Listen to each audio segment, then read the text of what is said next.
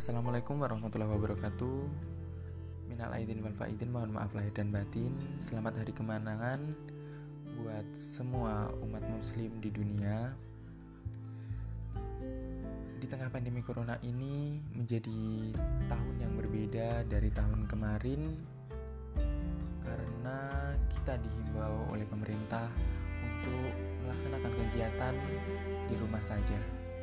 Seperti halnya tradisi silaturahmi ke rumah sanak saudara harus diganti dengan komunikasi melalui telepon genggam. Ada sedikit puisi yang ingin saya sampaikan. Dalam beningnya hati ada secuil benih prasangka. Dalam santunnya ucapan ada kalanya kilaf tak sengaja.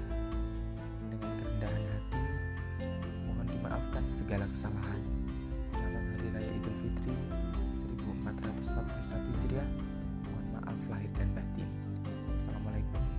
Warahmatullahi wabarakatuh.